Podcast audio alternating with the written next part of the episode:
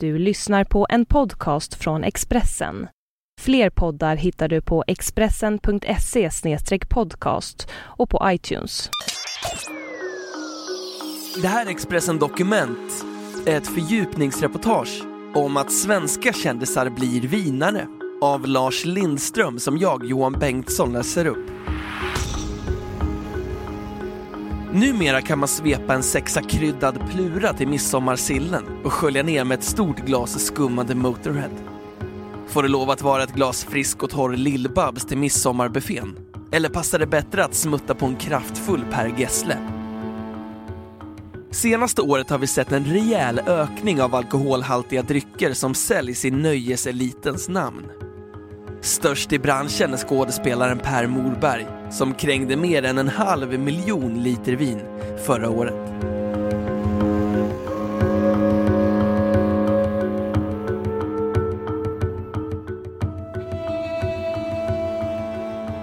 Sångaren Lasse Berghagen gjorde 2005 ett försök att etablera sig som alkoholförsäljare med vinet Hav och Sand, döpt efter en av hans somriga sånger. Succén uteblev och drycken försvann snabbt ifrån marknaden. Kanske ligger det kvar några dammiga flaskor i Lasse Berghagens vinkällare. Branschen blev tveksam. Nöjesprofiler och alkohol kanske inte var någon bra kombination. Fem år senare inträffade det som fick stjärnor och alkoholproducenter att ändra sig. Hårdrocksbandet Motorhead, med svensken Mickey D på trummor, lanserade i december 2010 ett eget rödvin. Och de läderklädda fansen frälstes omedelbart. Den som hade uppfattningen att hårdrockare bara dricker öl och vodka fick tänka om. Sari H. Vilholm på Brands for Fans blev inte överraskad. Jag har umgåtts med hårdrockare hela mitt liv och det har alltid funnits vin med på de festerna. Förra året såldes 88 000 liter av Motörheads vin och bandets repertoar har sedan dess utökats med såväl rosévin som öl och vodka. Eller vodka, som det vitsigt kallas. Sari H. Wilholm säger när Motorhead lanserade sitt vin var det väldigt nytt och upplevdes som udda och kul. Men det är inte så konstigt att det går bra. De som gillar hårdrock är trogna mot sina band och köper många av deras prylar. Det är ett utmärkt sätt för banden att bredda och utveckla sin portfölj av merchandising. Brands for Fans har även internationella rättigheter till Motörheads alkoholförsäljning. All alkohol som säljs i Motörheads namn går genom oss. Vodkan är svensk. Den kommer från Malmköpings destilleri, säger Sari H. Wilholm. Lennart Agén, presschef på Systembolaget, säger att trenden med kändisviner är tydligt växande. Det här har funnits internationellt i några år, men har ökat med hjälp av en rad svenska kändisar. Och det kommer att fortsätta öka. Många ser det som ett varumärkesbyggande. Det är också tydligt att vissa är väldigt engagerade i att ta fram produkterna, andra inte lika mycket. Den svenska vinkungen i kulturkretsar heter Per Morberg, skådespelare och tv-kock. Hans vinserie, Morberg Collection, består av rött, vitt, rosé och bubbel och är en stor försäljningssuccé på Systembolaget. Under 2012 sålde Morberg för minst 62 miljoner kronor, 500 000 liter, om man räknar ihop alla vinsorterna. Mer lär det bli under 2013. Även om Per Morberg har konkurrens av många kända musiknamn som Per Gessle och komikern och skådespelaren Robert Gustafsson är han i en klass för sig.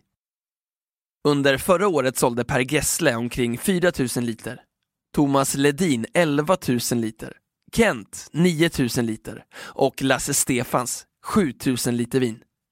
Jämfört med de 500 000 liter vin för Per Morberg. Enligt Systembolagets statistik såldes under förra året endast 102 flaskor av Robert Gustafssons olika viner. Men det beror inte på att det smakar kloak eller gammal disktrasa, utan förklaras av att vinet lanserades först i december 2012. En gissning är att Sveriges roligaste man också säljer några tusen liter vin i år.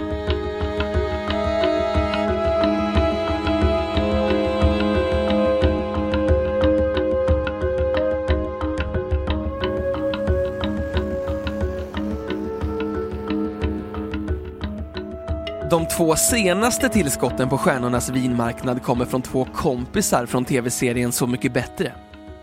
Barbro Lill-Babs Svenssons vita vin har nyligen introducerats, liksom rapparen Petters bubbelvin. TV-kocken och rockmusikern Plura Jonsson i Eldkvarn har nyligen presenterat en egen akvavit, Pluras husman, och kommer snart med ett eget vin. Eva Ossiansson, varumärkesexpert vid Handelshögskolan i Göteborg, förklarar varför stjärnorna tycker att det är en god idé att sälja egna vin och spritsorter. Det handlar om att skapa intresse för dig själv som person och att skapa mer värde och en större helhet i ditt varumärke. En flaska vin med ditt porträtt är en reklamplats i sig, men jag tror att det vinner på att det finns en naturlig koppling. Så om man är med i ett matlagningsprogram, ger ut kokböcker, kanske Plura har en snapsbok på gång. Per Gessle har ju sitt hotell i Tylösand, då finns en koppling till restaurangen där. Petter utmärker sig genom att ge ut en alkoholfri variant av sitt bubbelvin. I en intervju på Systembolagets hemsida säger han i min arbetsmiljö exponeras jag naturligtvis ständigt för alkohol. Men eftersom jag tror att för mycket av vad som helst är skadligt lever jag efter mottot att allt bör vara måttligt. Fenomenet kändisviner sammanfaller med ett ökat allmänt intresse för viner och aggressivare marknadsföring. Vinkonsumtion i Sverige ökar stadigt och är nu 30 liter per person och år. Aldrig tidigare har svenska konsumenter exponerats för mer alkoholreklam. Under de senaste 13 åren har investeringarna i alkoholreklam ökat från 8 miljoner till rekordsiffran 928 miljoner kronor förra året. Dessutom dricks det mycket alkohol i tv-program som Stjärnorna på slottet, Så mycket bättre och diverse matlagningsprogram. Fredrik Spak, alkoholforskare vid avdelningen för samhällsmedicin och folkhälsa vid Göteborgs universitet, menar att kändisvinerna bara är en delfrågeställning i en större bild. De är exponenter för ett stort intresse för alkohol i vårt samhälle och som sådana bara en av länkarna. Man kan se det som en slags kontinuerlig marknadsföring för alkohol. De bidrar till en positiv bild som inte motsvarar den bild som vi alkoholforskare har av alkoholen. Förr var det vanligt med kända människor som gjorde tobaksreklam. Men det känns som en otänkbar kombination numera. Är vår acceptans större för stjärnor som säljer alkohol? Fredrik Spak säger Rökning har en så oerhört låg status idag. Det finns inget positivt längre med den. Måttlig alkoholkonsumtion däremot har en positiv klang. Förutom kopplingen till cancer och om man super och trillar och slår sig förstås. Vi får heller inte glömma att så många som 90% av svenskarna är alkoholkonsumenter. En annan aspekt är om artisternas inkomstproblem i den illegala nerladdningens fotspår har tvingat många att bredda sig och bli tusenkonstnärer. Thomas Bokstad, på konsultbyrån Typ, tror att det här är en samhällsförändring som redan har skett. När jag jobbade med Statens musikverk tittade vi på hur musiker försörjer sig. Det handlar mycket om mångsyssleri, även i det lilla. Det är nödvändigt för att kunna överleva. Längst går popbandet Bob Hund, som redan 1998 gav ut albumet med den talande titeln Jag rear ut min själ, allt ska bort. Och nu kommenterar samhällsutvecklingen med en egen gratisfestival den 6 juli i Helsingborg. Där säljer bandet inte bara Bob Hundvin och Bob Hundöl, utan också Bob Hundkaffe, Bob Hundmjölk och Bob Hundkorv. Dessutom blir det i samarbete med Skånes auktionsverk utförsäljning av bandets musikinstrument, konst, skivor, fotografier och personliga tillhörigheter. Allt ska, som sagt, bort.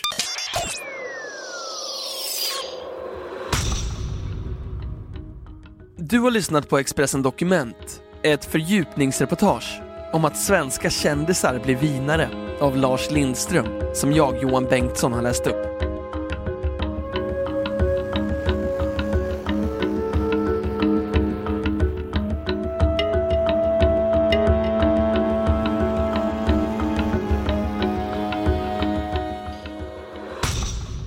Du har lyssnat på en podcast från Expressen.